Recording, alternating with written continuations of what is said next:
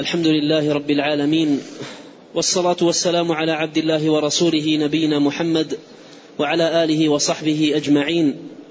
أما بعد فيقول شيخ الإسلام ابن تيمية رحمه الله تعالى في العقيدة الواسطية ويمسكون عما شجر بين الصحابة ويقولون إن هذه الآثار المروية في مساوئهم منها ما هو كذب ومنه ما قد, ما قد زيد فيه ونقص وغير عن وجهه والصحيح منه هم فيه معذورون إما مجتهدون مصيبون وإما مجتهدون مخطئون.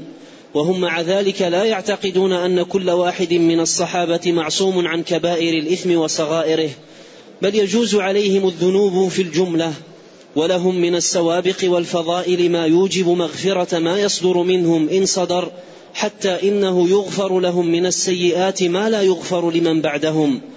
لأن لهم من الحسنات التي تمحو السيئات ما ليس لمن بعدهم.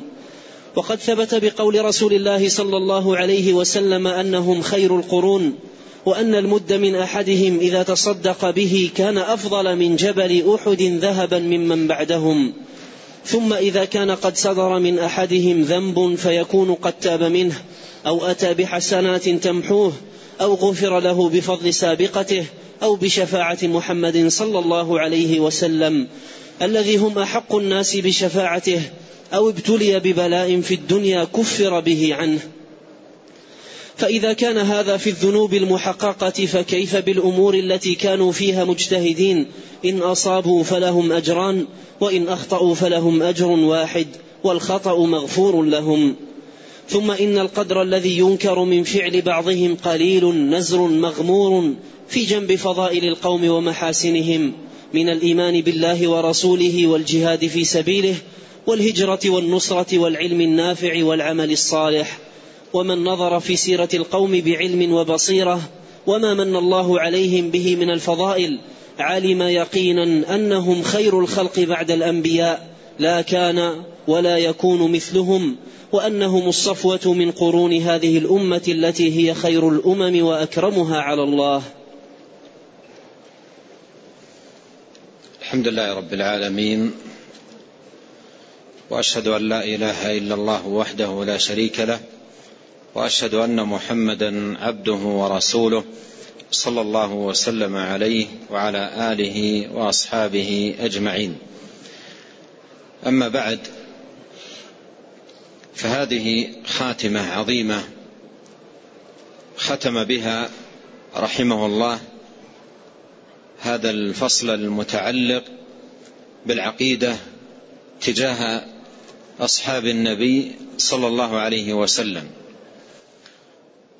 وسبق أن بين رحمه الله تعالى أن الأصل الذي يقوم عليه منهج أهل السنة تجاه الصحابة رضي الله عنهم وأرضاهم هو السلامة في القلب والسلامة في اللسان. بمعنى أن يكون القلب مبعدا عن كل غل وحقد وضغينة تجاه الصحابة وأن يكون اللسان أيضا منزها عن كل سب وشتم ووقيعة تجاه الصحابة. فهما سلامتان لا بد منهما سلامة في القلب وسلامة في اللسان. وقد جاء في دعوة ثبتت عن نبينا عليه الصلاة والسلام منها قوله اللهم إني أسألك قلبا سليما ولسانا صادقا. فسلامة القلب يترتب عليها صلاح العبد في أحواله وأعماله وأقواله. وسلامة اللسان أيضا يترتب عليها صلاحه في أحواله وأعماله وشؤونه فإن المرء بأصغريه قلبه ولسانه. فإذا صلح هذان استقام القلب واستقام اللسان فإن العبد كله يمضي بإذن الله تبارك وتعالى مسددا على الاستقامة وعلى الجادة السوية. لما بين رحمه الله ذلك وما يتبعه من تفاصيل حول التفاضل والمفاضلة بين الصحابة أخذ رحمه الله في بيان الموقف الحق تجاه ما شجر بين الصحابة. ومعنى ما شجر أي الأمور التي وقع فيها نزاع وخلاف بين أصحاب النبي عليه الصلاة والسلام سواء منها ما وقع بين فرد وآخر من الصحابة أو بين جماعة وجماعة. فما الموقف الحق؟ وما النهج السديد؟ الذي ينبغي أن يكون عليه المسلم تجاه ما شجر بين أصحاب النبي عليه الصلاة والسلام. حول هذا الأمر حرر شيخ الإسلام كلاما مختصرا فيه جماع الخير في هذا الباب. قال رحمه الله ويمسكون عما شجر بين الصحابة. يمسكون عما شجر بين الصحابة. الإمساك يعني عدم الخوض وعدم الدخول في الأمور التي شجرت بين أصحاب النبي عليه الصلاة والسلام. يمسكون عما شجر أي لا يخوضون في ذلك ولا يتكلمون فيه. لأن الصحابة رضي الله عنهم أمة خلت ولها ما كسبت. تلك أمة قد خلت لها ما كسبت ولكم ما كسبتم ولا تسألون عما كانوا يعملون. أفضوا إلى الله سبحانه وتعالى بأعمالهم وأعمالهم معروفة عند الأمة مجدا وعلوا وحسنا وبهاء وليسوا هم بالمعصومين. وما يقع من خطأ أو نحوه مغمور في بحر خير وحسنات. فما شأن شخص لا يبلغ عشر معشارهم ولا يبلغ في مقامهم شيئا ينصب نفسه في آخر التاريخ حكما بينهم. ولا يبلغ شيئا عندهم لا في العلم ولا في الفقه ولا في الدين ولا في العبادة ولا في أي أمر آخر ثم ينصب نفسه حكما. بل ينصب نفسه حكما في أناس بشروا في الجنة. بشرهم النبي عليه الصلاة والسلام بالجنة وشهد لهم بالجنة. ولا يدري عن حاله أين هو ولا إلى ما يكون ولا كيف تكون حاله ثم ينصب نفسه حكما. ويكون في هذه المحاكمة مجترئا سليط اللسان يتكلم في مقام الصحابة رضي الله عنهم وكأنه يتكلم في آحاد الناس أو في أشخاص لا قيمة لهم ولا وزن. وهذه من البلايا العظام. تجد أناس لا يعرف لا بدين ولا عبادة ولا خلق ولا علم ثم بملء فيه يقول الصحابي الفلاني فيه كيت وكيت. والصحابي الفلاني هو المخطي في كذا وهو الذي كذا إلى آخره. وهذا موجود في زماننا. وهو من المصائب والبلايا العظام. كيف ينصب نفسه حكما في أقوام هذا مقامهم وهذا مكانهم؟ وفي القرآن آيات تتلى فيها رضا الله عنهم. وفي السنة أحاديث كثيرة تروى فيها فضلهم ومكانتهم وسابقتهم. وأن أحدنا لو أنفق مدا أن أحد الصحابة لو أنفق مدا من طعام لا يعادله إنفاق واحد منا مثل أحد ذهبا. ثم يأتي هذا في آخر الزمان شحيحا بخيلا لا ينفق لا مثل أحد ولا غيره ثم يتطاول على مقام الصحابة لمزا وهمزا ووقيعة وينصب نفسه حكما. وفي هذا المقام عادة أضرب مثالا للتوضيح. ألا وهو لو قدر على سبيل المثال قبل خمسمائة سنة أو أربعمائة سنة. حصل خصومة بين أناس. واشتدت الخصومة؟ وحصل بينهم خلافات.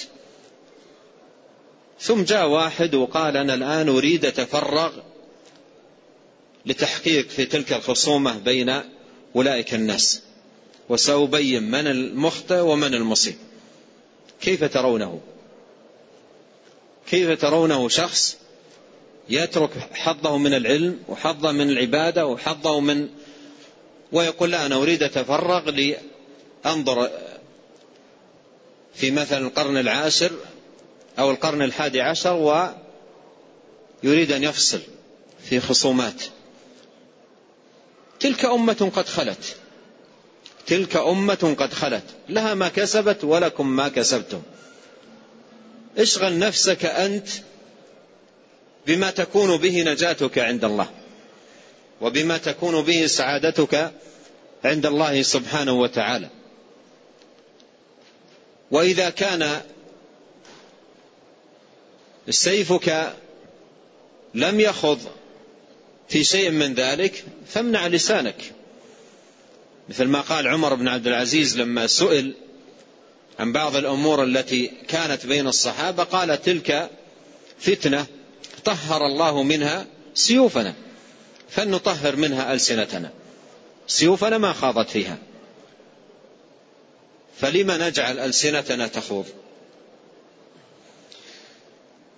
فإذا الواجب تجاه ما شجر بين الصحابة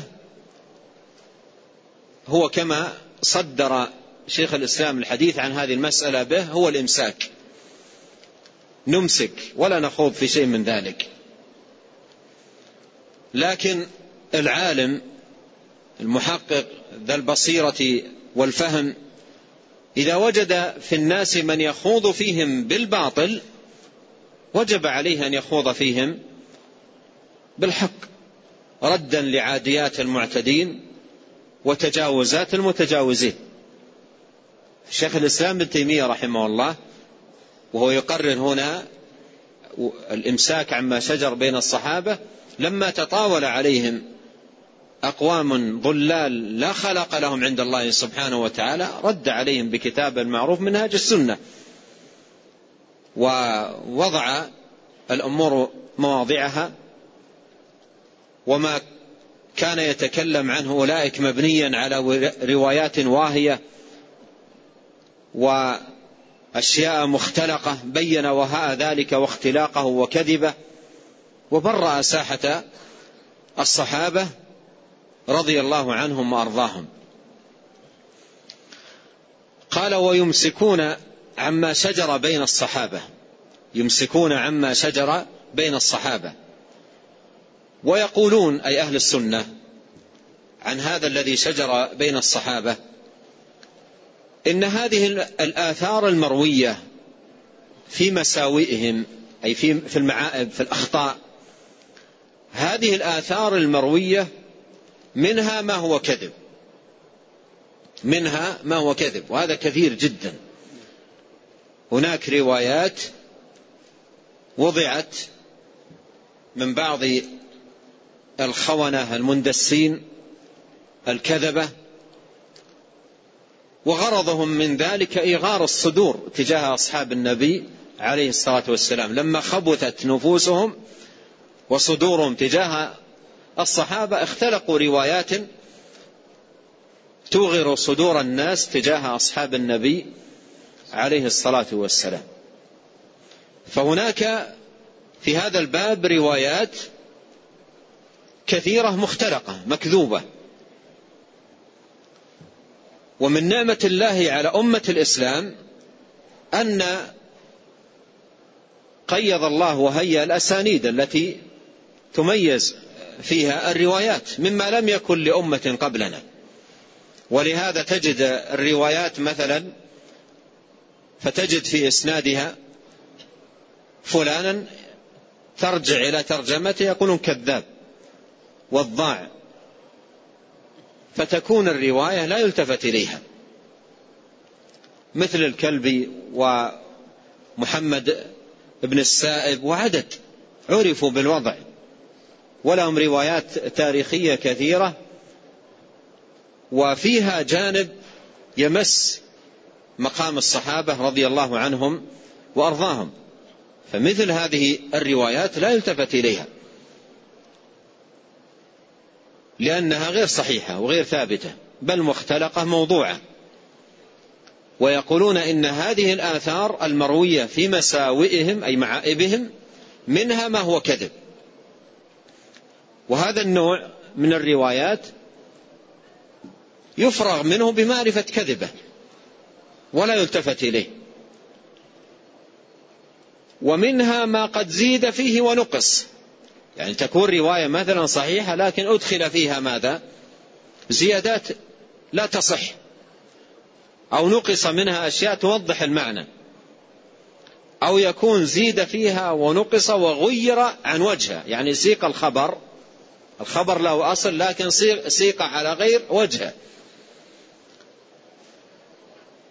قال والصحيح منها هم فيه معذورون.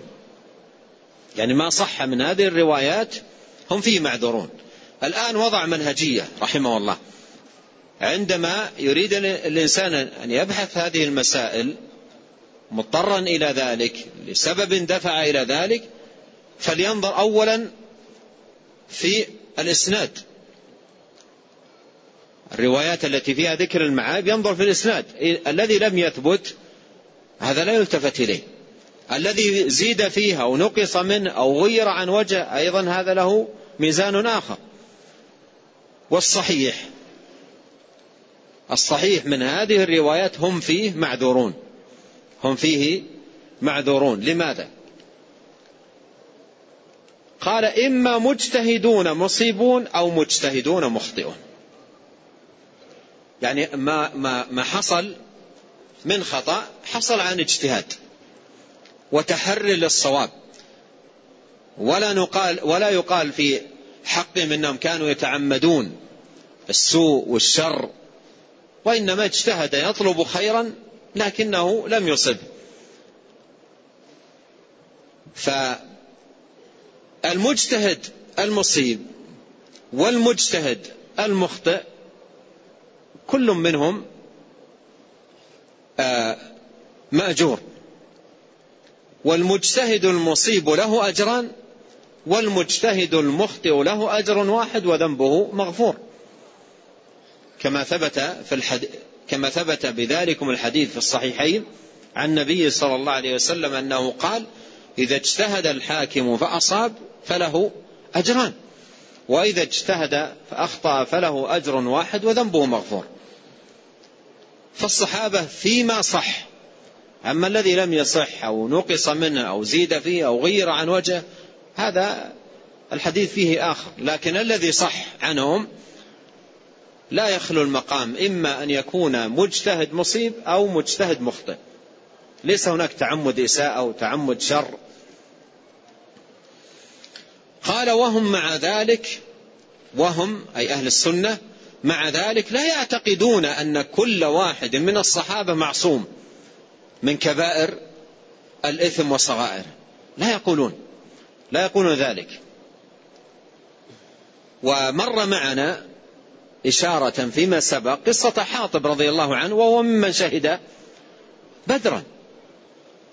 وهو ممن شهد بدرا. ووقع في خطأ ليس بالهين خطأ عظيم.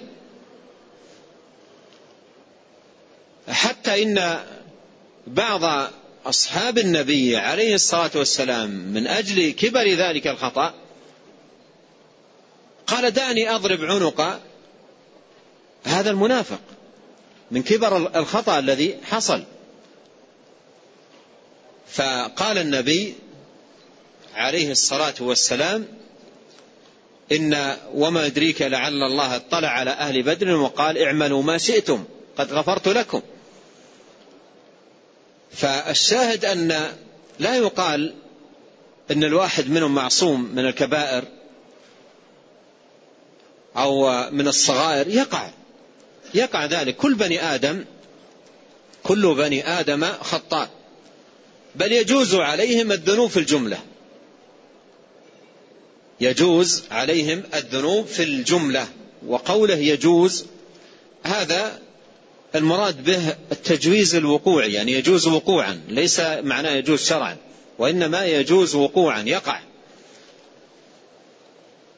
ف بل يجوز عليهم الذنوب في الجملة يعني يجوز أن تقع منهم آه، الذنوب.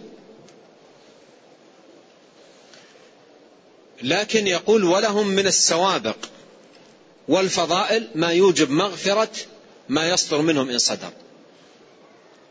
مثل كون عدد منهم شهد بدرا.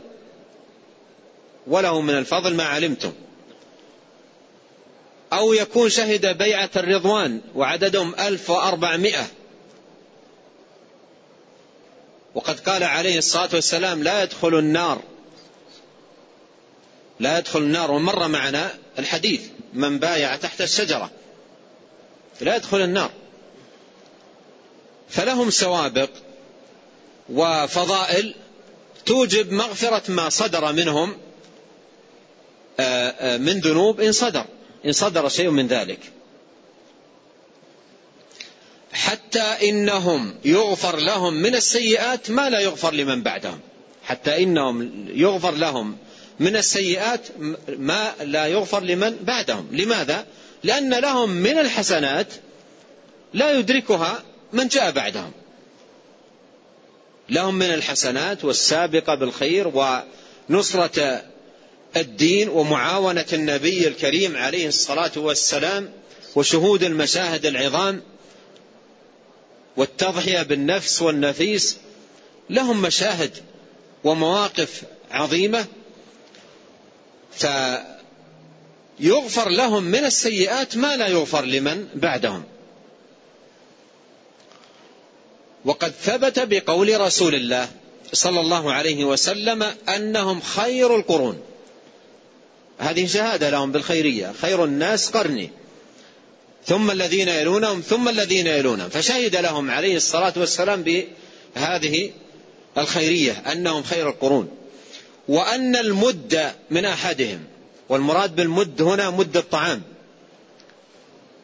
من بر أو قمح أو شعير أو نحو ذلكم من المكيلات. مد أحدهم إذا تصدق به كان أفضل من جبل أحد أحد ذهبا ممن بعدهم. ممن بعدهم. فهذا يدل على أن لهم في الحسنات وتكفير السيئات شيئا ليس لمن بعدهم. لهم في هذا الأمر شيء ليس لمن بعدهم. في نصوص واضحات. ثم إذا كان قد صدر عن أحد منهم ذنب. إذا كان صدر عن أحد منهم ذنب يعني تحقق فعلا أنه ذنب. وانتبه هناك قبل ذلك ماذا؟ قبل ذلك أمور. أولا يحتاج الإنسان التحقق من الرواية هل ثبتت أو لا؟ هل ثبتت الرواية أو لا؟ قد يقول قائل إن الصحابي الفلاني أذنب الذنب الفلاني ثم يتهجم على مقامه وتكون الرواية مكذوبة. وتكون الرواية مكذوبة وهذا كثير جدا. روايات تكذب وتختلق ثم يبني عليها أقوام لا يفقهون ولا يعلمون فيقعون في مقام الصحابة رضي الله عنهم وأرضاهم. فإذا كان تحقق أنه ذنب فعلا وأنه قد وقع فيه صحابي ما فيقول شيخ الإسلام في مثل ذلك إذا كان قد صدر عن أحد أحد منهم ذنب فهناك عدة احتمالات قبل أن. يتعدى الإنسان ويتجاوز على مقام الصحابة ينظر فيه احتمالات عديدة ذكرها شيخ الإسلام وهذا كلام المنصفين. وليس كلام المتعسفين فرق بين كلام أهل الإنصاف وكلام أهل التعسف. يقول فيكون قد تاب منه. فيكون قد تاب منه. هذا احتمال. احتمال وارد ووروده كبير جدا. والصحابة منهم في المبادرة للتوبة والإنابة والرجوع إلى الله سبحانه وتعالى فهذا احتمال. فقد يبلغ قد يبلغنا الذنب وقد لا تبلغنا توبته. وكيف يلام شخص في ذنب تاب منه؟ كيف يلام شخص في ذنب تاب منه وأناب إلى الله سبحانه وتعالى وتجاوز الله عنه وغفر له ثم يأتي إنسان في هامش التاريخ وفي آخر الزمان ويقول الصحابي الفلاني فيه كيت وكيت في ذنب تاب منه وتجاوز الله سبحانه وتعالى عنه. فإذا هذا الأمر الأول فيكون قد تاب منه هذا واحد. الأمر الثاني قال أو أتى بحسنات تمحوه أو أتى بحسنات تمحوه وقد قال الله سبحانه وتعالى إن الحسنات يذهبن السيئات. والنبي عليه الصلاة والسلام قال لمعاذ لما بعثه إلى اليمن اتق الله حيثما كنت وأتبع السيئة الحسنة تمحها. وخالق الناس بخلق حسن. فإذا الأمر الثاني أن يكون قد أتى بحسنات تمحوه. الأمر الثالث أو غفر له بفضل سابقته. أو غفر له بفضل سابقته. مثل ما مر معنا في قصة حاطبة. حاطب بن بلتع رضي الله عنه غفر له بتلك السابقة العظيمة وما أكرمه الله سبحانه وتعالى به من شهود بدر. الأمر الرابع أو بشفاعة محمد عليه الصلاة والسلام الذي هم أحق الناس بشفاعته. الذي هم أحق الناس بشفاعته. والمراد بشفاعته دعاؤه عليه الصلاة والسلام. وقد صح عنه في الحديث أنه قال لكل نبي دعوة مستجابة وإني اختبأت دعوتي شفاعة لأمتي يوم القيامة. وإنها نائلة إن شاء الله من لا يشرك بالله شيئا. وإنها نائلة إن شاء الله من لا يشرك بالله شيئا. والحديث في صحيح مسلم. والصحابة رضي الله عنهم دخولهم في هذا الحديث دخول أول. لما لهم من سابقة ولما لهم من فضل ولما لهم من نصرة للنبي الكريم صلوات الله وسلامه عليه.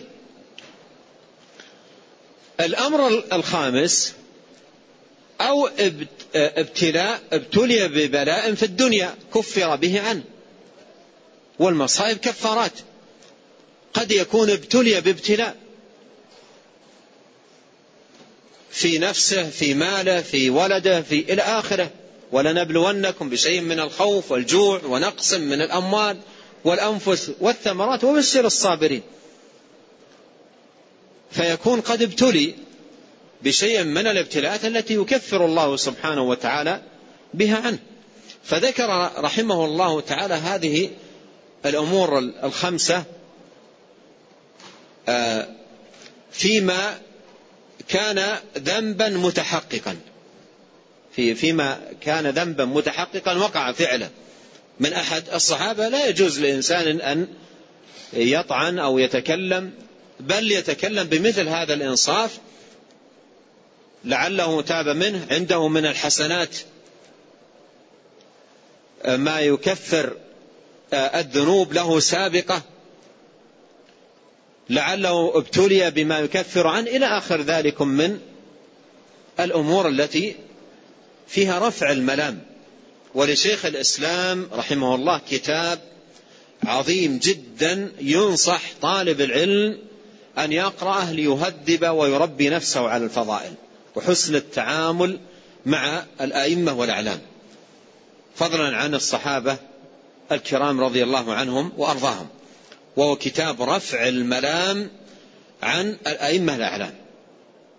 رفع الملام عن الأئمة الأعلام كتاب قيم جدا ينصح طالب العلم في بداياته أن يقرأ هذا الكتاب حتى يفتح له أفقا عظيما في حسن التعامل والاحترام والبحث عن المعاذير لأهل العلم.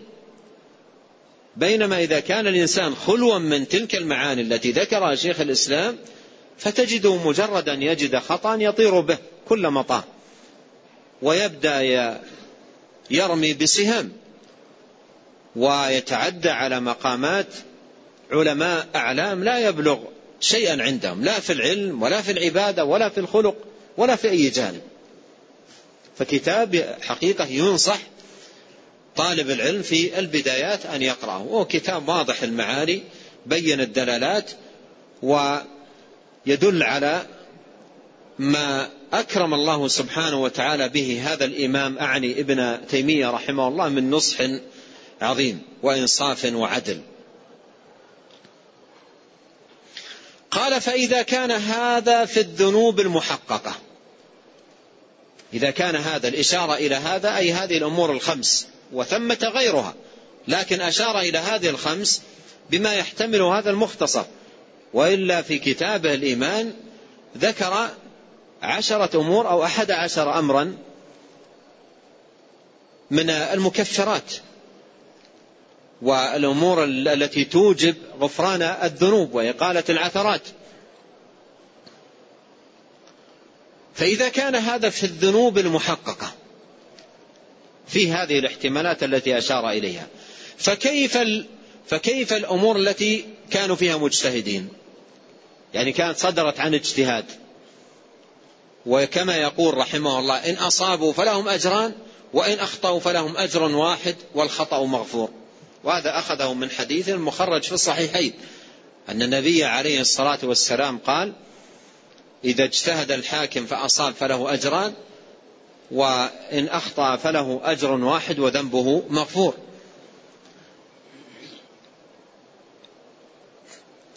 ثم القدر الذي ينكر ثم القدر الذي ينكر من فعل بعضهم قليل نزر. القدر الذي ينكر يعني الآن شيخ الإسلام رحمه الله يعني حول هذا الأمر أو حول هذه الروايات كثيرة جدا هي مبثوثة في كتب التاريخ بكثرة. فحول هذا الأمر يعني إن صحت العبارة يغربل. و ويتعامل مع هذه الروايات بإنصاف عظيم جدا. إنصاف عظيم جدا مع هذه الروايات.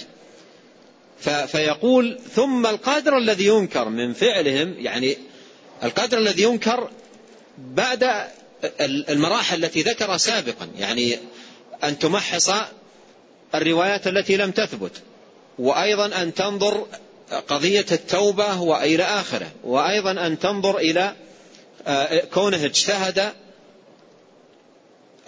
وأخطأ أو اجتهد وأصاب يعني له أجران. يقول القدر الذي ينكر بعد هذه يعني الأمور التي بينها قبل قليل القدر الذي ينكر من فعل بعضهم قليل النزر. قليل جدا. النزر هو القليل. قليل نزر مغمور في جنب فضائل القوم. مغمور في في جنب فضائل القوم ومحاسنهم.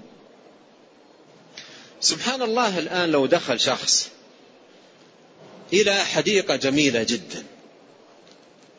جميلة بالزهور والأشجار والثمار. ننقلكم قليلا إلى حديقة بستان يشرح الصدر بجماله بحسنه بأشجاره بأزهاره ببهائه. وتجد الشخص مجرد ما يدخل يمتلئ بهجة. وممتد الأطراف هذا البستان. فتجد الشخص يعيش مع هذا الجمال وهذا البهجة في أزهار في ثمار في فواكه إلى آخره ويأخذ من القطوف والجنى اللذيذ. بينما شخص آخر دخل هذا البستان الجميل ويمشي في هذا الجمال يمشي في هذا الجمال إلى أن عثر في بقعة يسيرة جدا آه، قليل من الوسخ. وجعل عينه في الوسخ. أو في هذا الشيء الذي وجده وركز عينه فيه ينسى هذا الجمال كله. وكل هذا الجمال يذهب عن فكره وعن عقله إذا وضع عينه في في مثل ذلك. ولو أني خرجت لكن هذه معاني مهمة يعالج الإنسان فيها جوانب منه. الآن لو قدر أنك ذهبت في رحلة مع بعض زملائك لعدة أماكن لعدة أماكن. واستمتعت بجوانب عديدة جوانب عديدة. ثم مطلب معين كنت تريده ما حصل. إن شغلت فكرك فيه وركزت ذهنك معه تنسى كل المتع التي مرت. وهذا يصور لكم حال أناس عقولهم مغلقة على جانب معين مغلقة على جانب معين ولا يرون الخير. لا يرون الخير ولا يرون المحاسن ولا يرون الفضائل. كم هائل من الحسنات والفضائل والخيرات عاشها الصحابة في تاريخ مجيد تاريخ مبارك. فيه إشادة بهم في القرآن وفي السنة وتاريخ الأمة. حافل بذلك؟ ثم تجد, تجد بعض التافهين من الناس من ذوي العقول المغلقة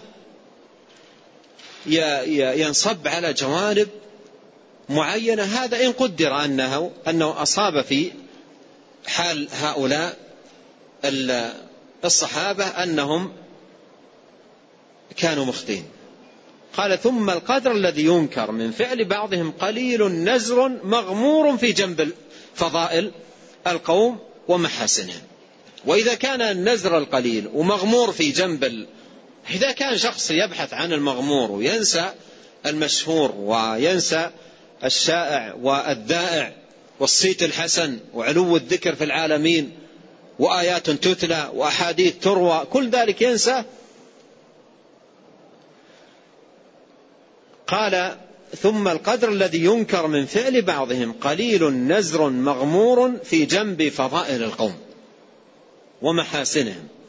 من الإيمان بالله يعدد الآن محاسن ومن هنا للبيان. من الإيمان بالله ورسوله صلى الله عليه وسلم والجهاد في سبيله والهجرة والنصرة والعلم النافع والعمل الصالح. هذه جوانب وجوانب رئيسة في في حياة الصحابة المشرقة. وإذا فصلت تحت هذه الجوانب الرئيسة تجد حياة عامرة بالخير. وتفنى حياتك وأنت لم تستوعب جمعا محاسن الصحابة. تفنى حياتك يعني لو فرغت حياتك تجمع محاسن الصحابة وتاريخ الصحابة وتتعرف على الصحابة رضي الله عنهم. ولو قدر أن أحدنا فعل ذلك فهذه حياة أكرم بها من حياة. حياة جميلة جدا. أن أن يعيش الإنسان مع حياة الصحابة رضي الله عنهم وهم القوم لا يشقى بهم جليس.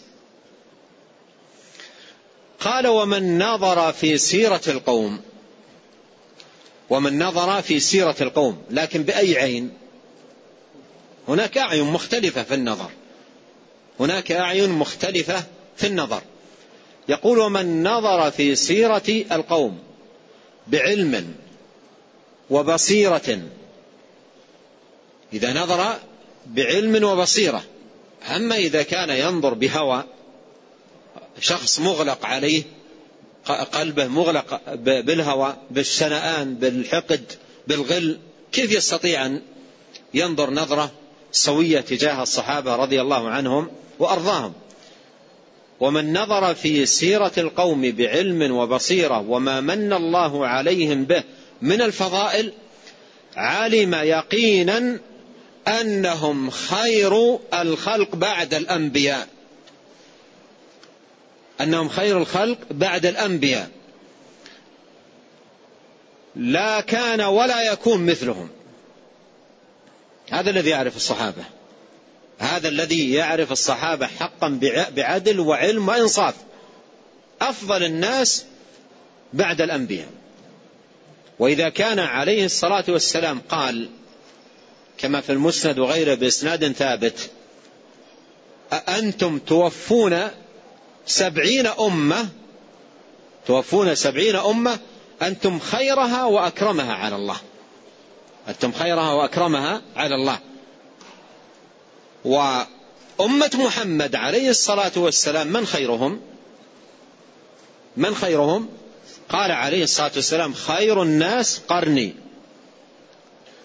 فإذا كانت أمته خير الأمم والصحب الكرام خير أمته عليه الصلاة والسلام. إذا نخلص ونخرج بهذه النتيجة التي قررها رحمه الله تعالى التي قررها رحمه الله تعالى قال علم يقينا أنهم خير الخلق بعد الأنبياء لا كان ولا يكون مثلهم. لا كان ولا يكون مثلهم فهذا في مقام الصحابة رضي الله عنهم. إذا الصحابة رضي الله عنهم ليسوا خير أمة محمد فقط. ليسوا خير أمة محمد عليه الصلاة والسلام. بل خير ماذا؟ خير الناس بعد الأنبياء. في جميع الأمم الصحابة رضي الله عنهم خير الناس بعد الأنبياء في جميع الأمم.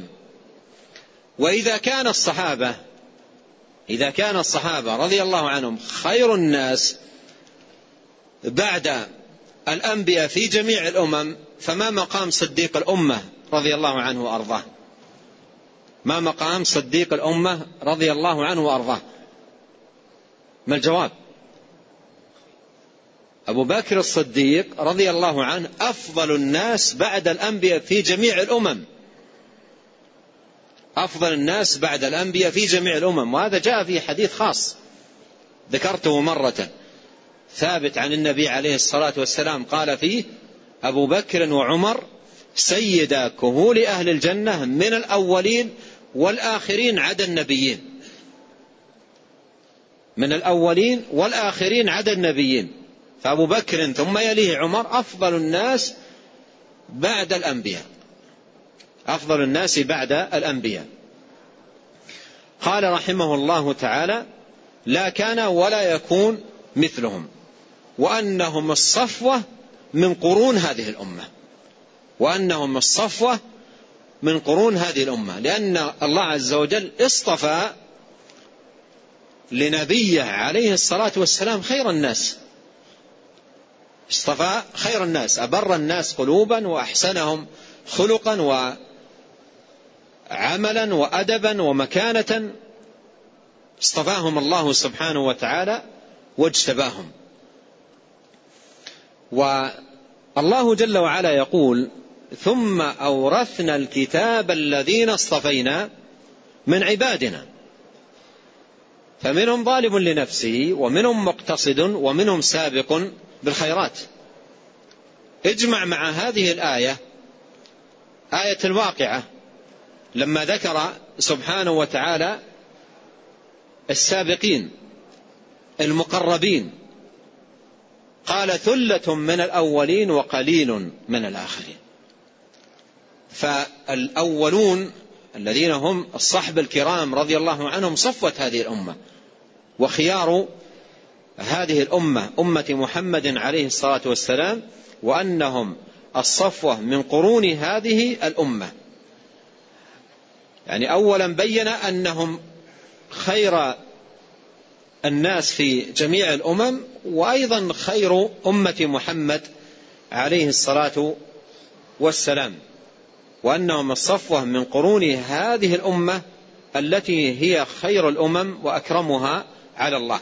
وهذا أخذه رحمه الله من الحديث الذي أشرت إليه آنفا وهو في المسند وغيره أن النبي عليه الصلاة والسلام قال أنتم توفون آه، آه، توفون سبعين أمة أنتم خيرها وأكرمها على الله.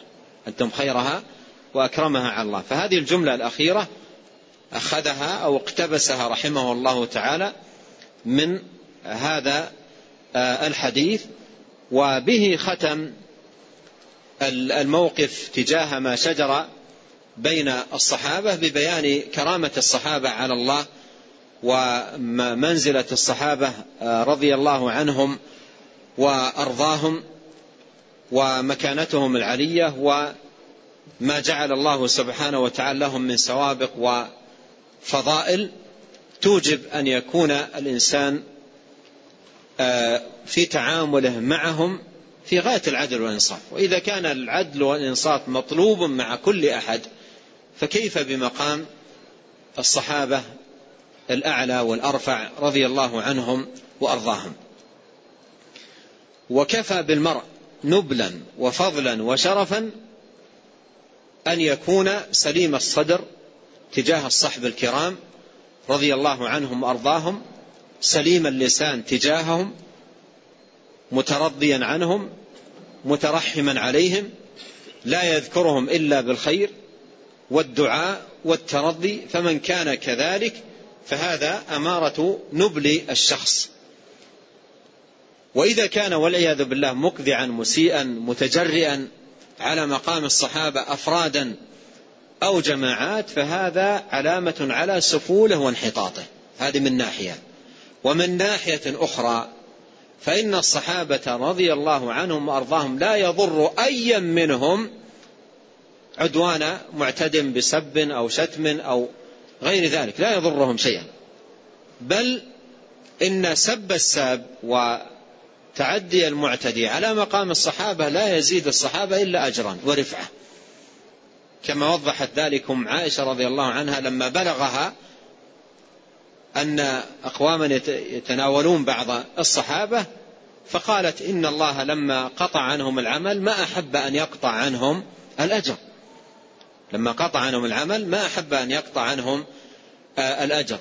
والمعنى الذي تذكره يدل عليه حديث المفلس الذي قال فيه عليه الصلاة والسلام أتدرون من المفلس؟ قالوا الله ورسوله أعلم. قال مفلس من يأتي يوم القيامة بصلاة وصيام ويأتي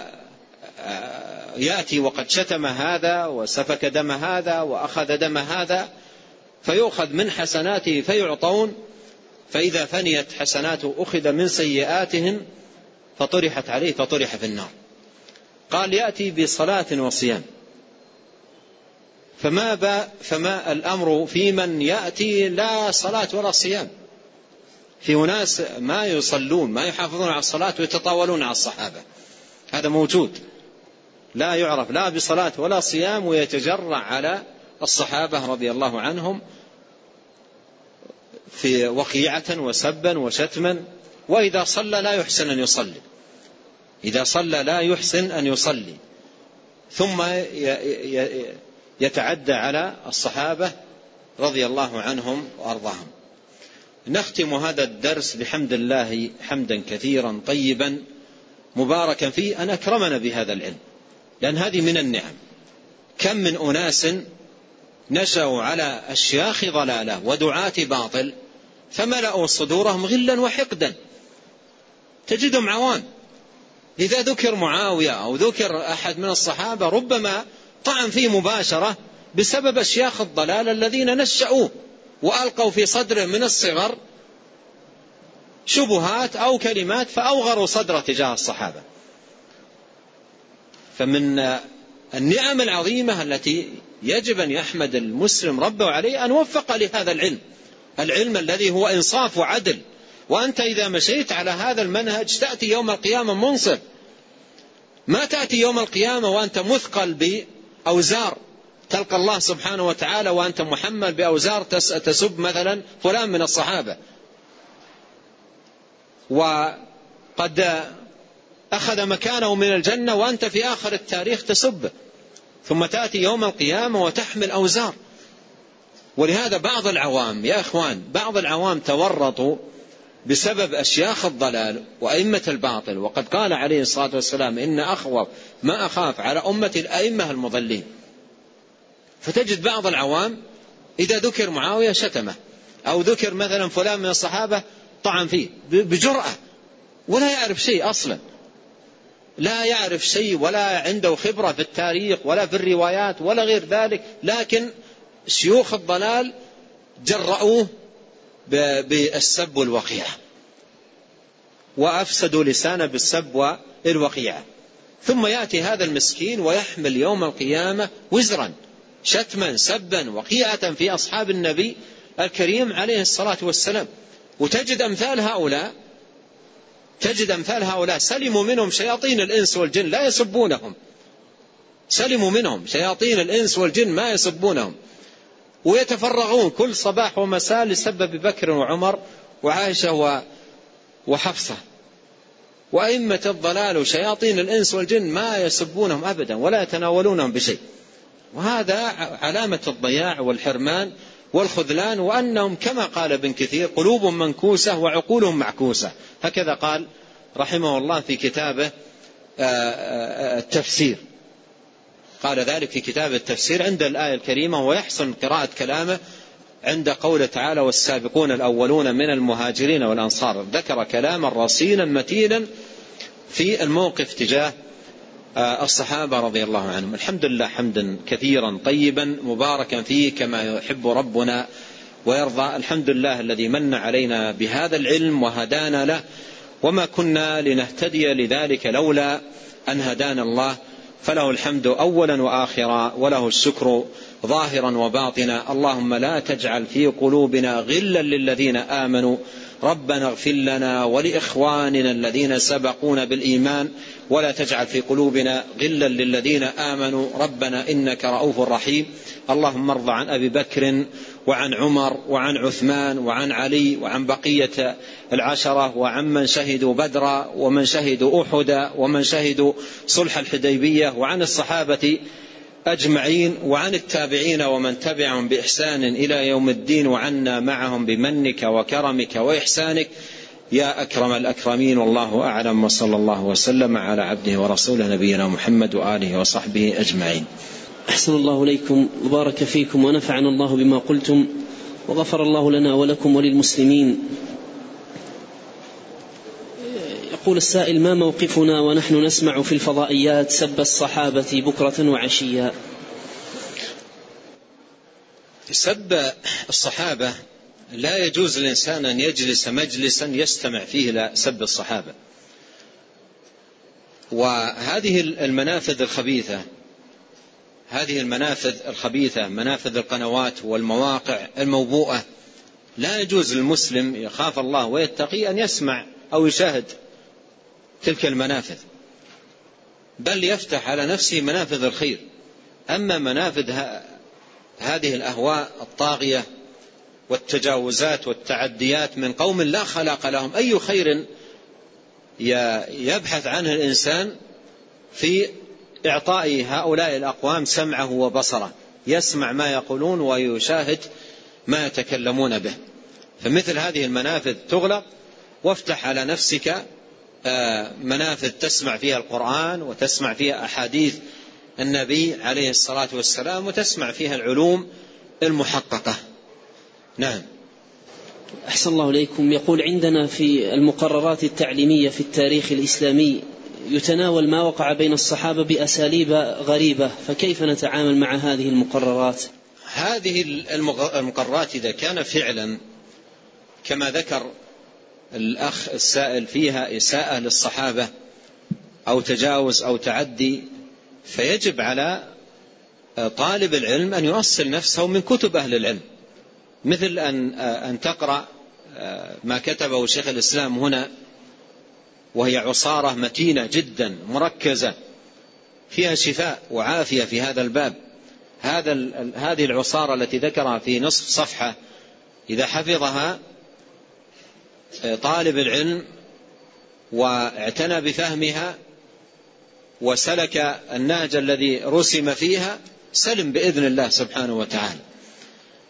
فيبدأ بهذا التأصيل العلمي والمواقف الخاطئة في تلك الكتب يحاول أن يعالجه بالنصيحة بالأسلوب الحسن بالطريقة المناسبة بالبيان والتوجيه بدلالة زملائه على كتب أهل العلم وتوجيههم لها حتى يستفيدوا ويسلموا من تلك التعديات. نعم. أحسن الله إليكم. يقول ما هي الأسباب التي تعين وتزيد في حب الصحابة وتوقيرهم؟ يعين الإنسان على حب الصحابة وتوقيرهم أولا تدبر القرآن وقراءة السنة فيما يتعلق بفضائل الصحابة وهذا جمع العلم يعني الآيات التي فضل الصحابة والأحاديث التي في فضائل الصحابة عندما تقرأها متدبرا آه، حريصا على العمل بما دلت عليه هي بحد ذاتها غنية وكفاية. ثم إذا قرأت تاريخ الصحابة ومناقب الصحابة وفضائل الصحابة تجد حياة مشرقة مليئة بالعطاء والبذل والتضحية والنصرة. فمن الخطورة البالغة للإنسان أن يجهل هذه الحياة الجميلة للصحابة ثم يوقف بطريقة أو أخرى على بعض الجوانب التي تجعل تجعل موقفه تجاه الصحابة موقفا آه، لا يليق بالمسلم. نعم. أحسن الله إليكم. يقول هل الدعاء في الثلث الأخير من الليل؟ والآية الكريمة التي مرت معنا التي ذكرها الله سبحانه وتعالى في سورة الحشر عقب آه، ذكر للمهاجرين ثم ذكر الأنصار أثنى على المهاجرين ثم أثنى على الأنصار ثم ذكر حال من جاء بعدهم. فماذا قال؟ والذين جاءوا من بعدهم يقولون ربنا اغفر لنا ولإخواننا الذين سبقونا بالإيمان ولا تجعل في قلوبنا غلا للذين آمنوا ربنا إنك رؤوف رحيم. فهذه الآية هي شفاء للمسلم ودواء له. فينظر حاله مع السلف الصحابة. هل هو من أهل قوله تعالى يقولون ربنا اغفر لنا ولإخواننا الذين سبقونا بالإيمان؟ أحد السلف سمع رجلا يتناول بعض الصحابة. فماذا قال له؟ قال له هل أنت ممن قال الله عنهم للفقراء المهاجرين الذين أخرجوا من ديارهم وأموالهم يبتغون فضلا من الله ورضوانه وينصرون الله ورسوله أولئك هم الصادقون؟ أنت من هؤلاء؟ قال لا. قال هل أنت ممن قال الله عنهم والذين تبوأوا الدار والإيمان من قبلهم يحبون من هاجر إليهم ولا يجدون في صدورهم حاجة مما أوتوا ويؤثرون على أنفسهم ولو كان بهم خصاصة ومن يوق شح نفسه فأولئك هم المفلحون. هل أنت من هؤلاء؟ قال لا. قال إذا أنا أشهد لك أنك لست ممن قال الله فيهم والذين جاءوا من بعدهم يقولون ربنا اغفر لنا ولإخواننا الذين سبقونا بالإيمان. لست منهم. لأن أقواله التي تصدر منه تدل على أنه ليس من هؤلاء. والذين جاءوا من بعدهم يقولون ربنا اغفر لنا ولإخواننا الذين سبقونا بالإيمان ولا تجعل في قلوبنا غلا للذين آمنوا. ربنا إنك رؤوف رحيم. نعم.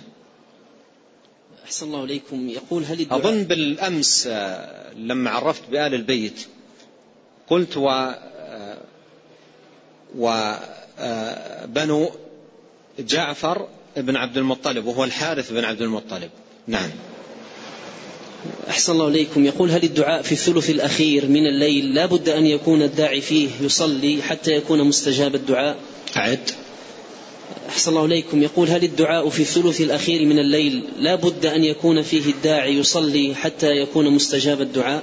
لا يلزم لكن الصلاة آه باب عظيم من أبواب الإجابة وأقرب ما يكون العبد من ربه وهو ساجد.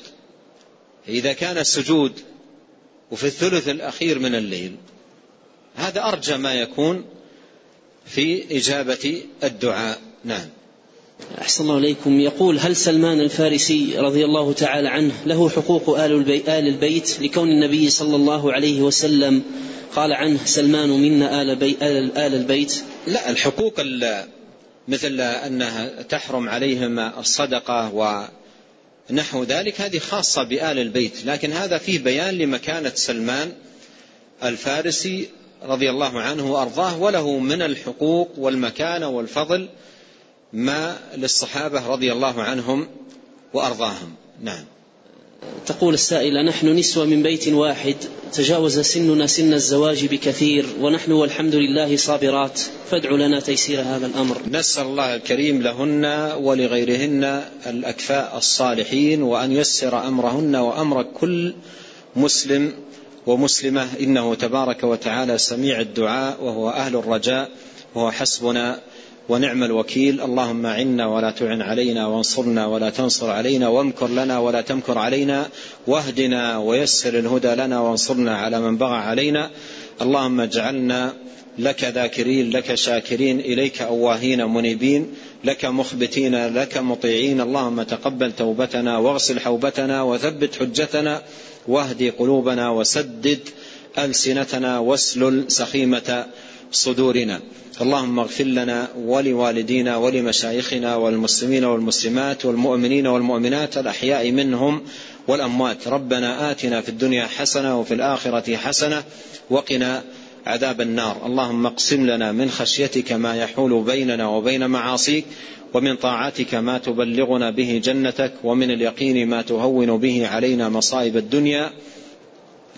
اللهم متعنا بأسماعنا وأبصارنا وقوتنا ما أحييتنا واجعله الوارث منا واجعل ثأرنا على من ظلمنا وانصرنا على من عادانا ولا تجعل مصيبتنا في ديننا ولا تجعل الدنيا أكبر همنا ولا مبلغ علمنا ولا تسلط علينا من لا يرحمنا. سبحانك اللهم وبحمدك أشهد أن لا إله إلا أنت أستغفرك وأتوب إليك.